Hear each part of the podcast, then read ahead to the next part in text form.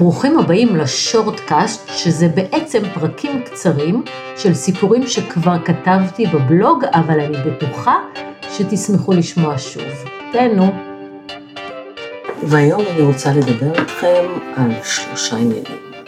הסיפור הראשון הוא, קראתי לו לא בלי ביתי.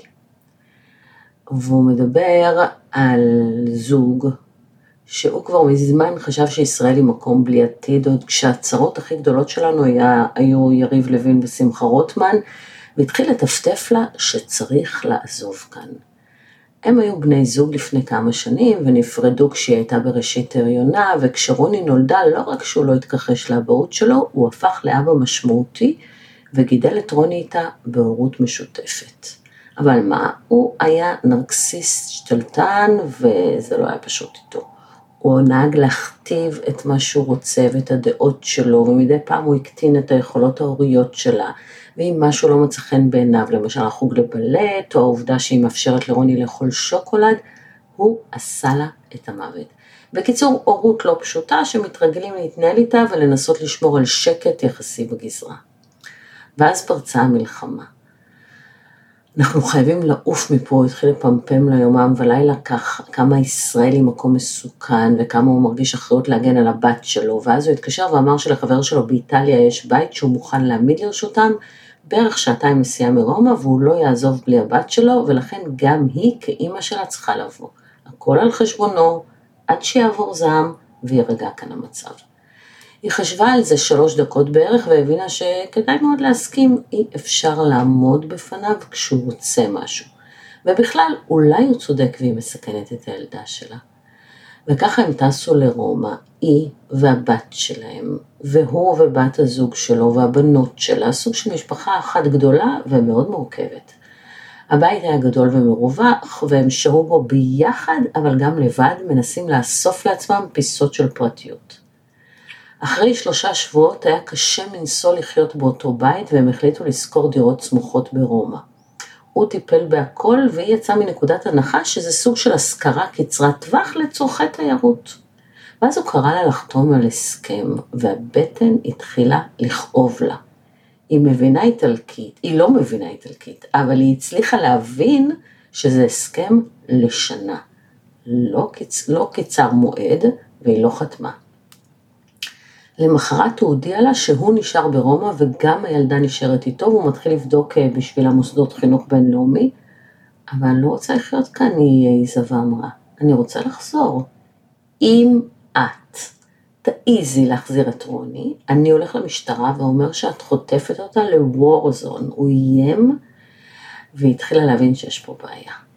בשיחת זום שקיימתי איתה באותה שבוע, באותו שבוע, ביקשתי לראות את ההסכם ביניהם. כמו בכל הסכם בעניין ילדים, נקבע שמקום מגוריה הקבוע של רוני הוא בישראל, ושלא ניתן לשנות אותו או להוציא אותה מהארץ שלא בהסכמת שני הוריה. הדרך הפשוטה היא פשוט לקנות כרטיס טיסה לך ולילדה ולהגיע לכאן, הסברתי, אחרי שהבהירה שאין לו שום בעיה לפנות למשטרה וגם לבית המשפט האיטלקי. כסף הוא לא עניין עבורו והוא יכול להרשות לעצמו הליכים ארוכים ויקרים רק כי אומרים לו לא, ואסור לומר לו לא. אסור, פשוט אסור. טוב, אתם יודעים שאני מכירה טיפוסים כאלה ולכן המלצתי להפסיק לדבר איתו בעניין ופשוט לחזור לארץ, בלי להגיד לו. ישראל היא מקום המגורים הקבוע ונסיעה לתקופת המלחמה אינה הסכמה לשינוי מקום המגורים אלא חטיפת הקטינה לאיטליה. יש סיכוי או סיכון שבית משפט איטלקי יקבע שישראל היא עכשיו מקום מסוכן לילדה, ולכן את צריכה לחזור מיד, הסברתי לה. ואם צריך לנהל את המלחמה מכאן, כך נעשה, זה יהיה הרבה יותר פשוט. ביום רביעי בערב היא עלתה על הטיסה. רוני הייתה איתה ומאוד שמחה, היא התגעגעה לחברות ולמשפחה, ורק כשהם נחתו, היא הודיעה לו שהם בארץ. את חוטפת, הוא סימס לה, צפי פגיעה.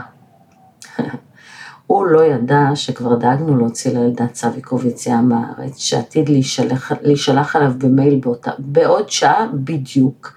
ואני לא יכולתי להימנע מלחשוב על הסלוגן הזה של המלחמה, 2, 3, שגר. הסיפור השני להיום, אה, קראתי לו יש תקווה לאהבה. וזה סיפור מאוד מאוד מרגש. הוא נפצע קשה במסיבה ברעים, ואיכשהו, עם הרבה הרבה מזל, הוא ניצל. חברים וחברות עמם נסע למסיבה נטבחו והוא היה ממוטט, בעיקר מרגשות אשם שדווקא הוא שרד, ומהזוועה ומהטראומה ומהפציעה הקשה, מהצינורות שחוברו לו לגוף, מהאנשים הרבים שהוא איבד, מאקראיות החיים ומתעתועיו של מלאך המוות.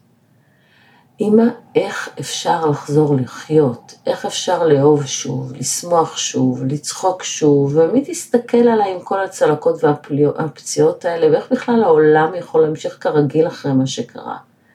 ואת כל זה סיפרה לי אמו, שגם עליה חרב עולמה מצד אחד, מצד שני מבינה כמה ברי מזל הם שהוא שרד את התופת הזה, כמו ניצול שואה.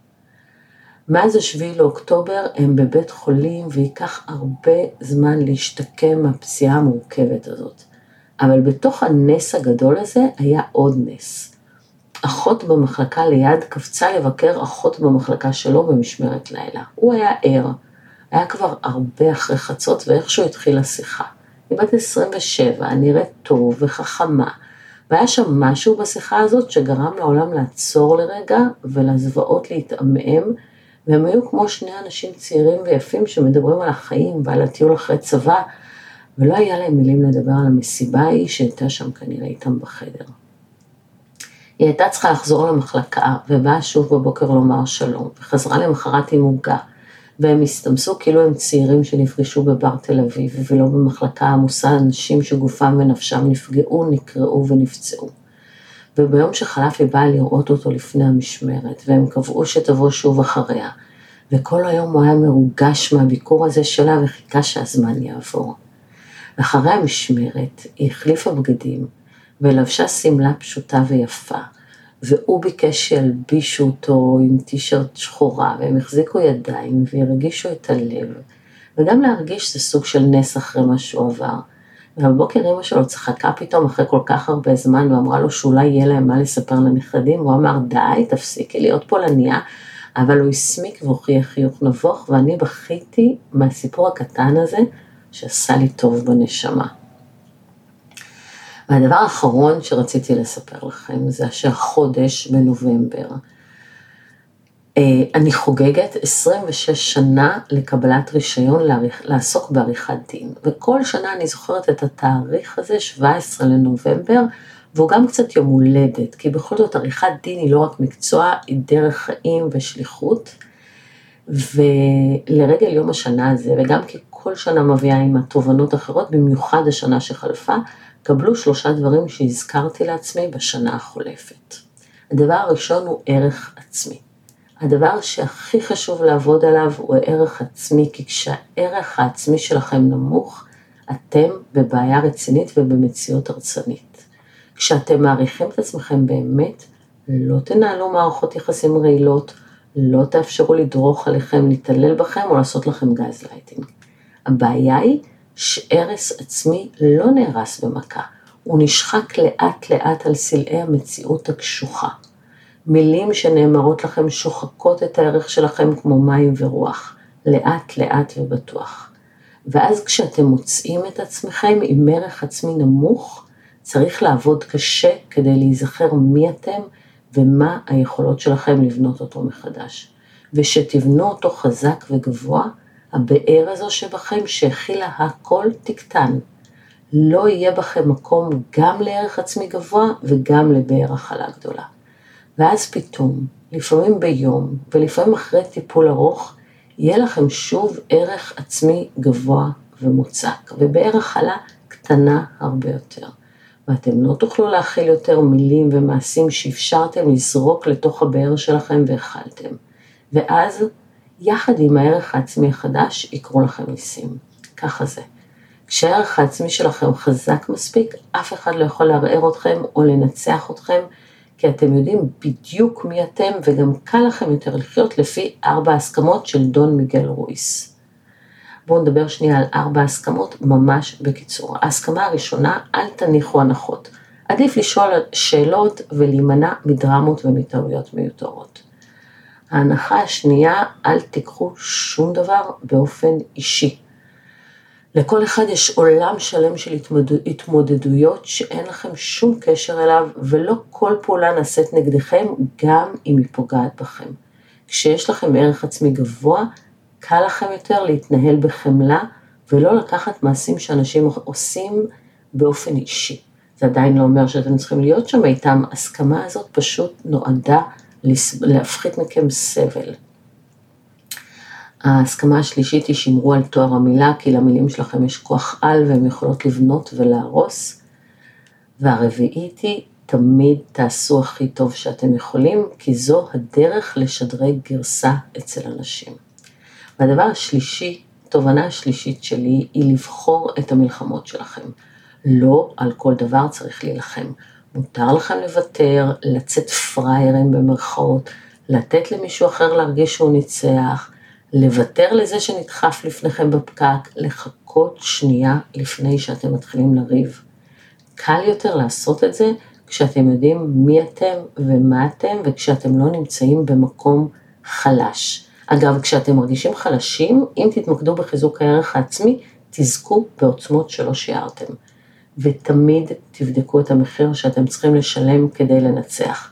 מה העלות אל מול התועלת, ומה באמת חשוב לכם.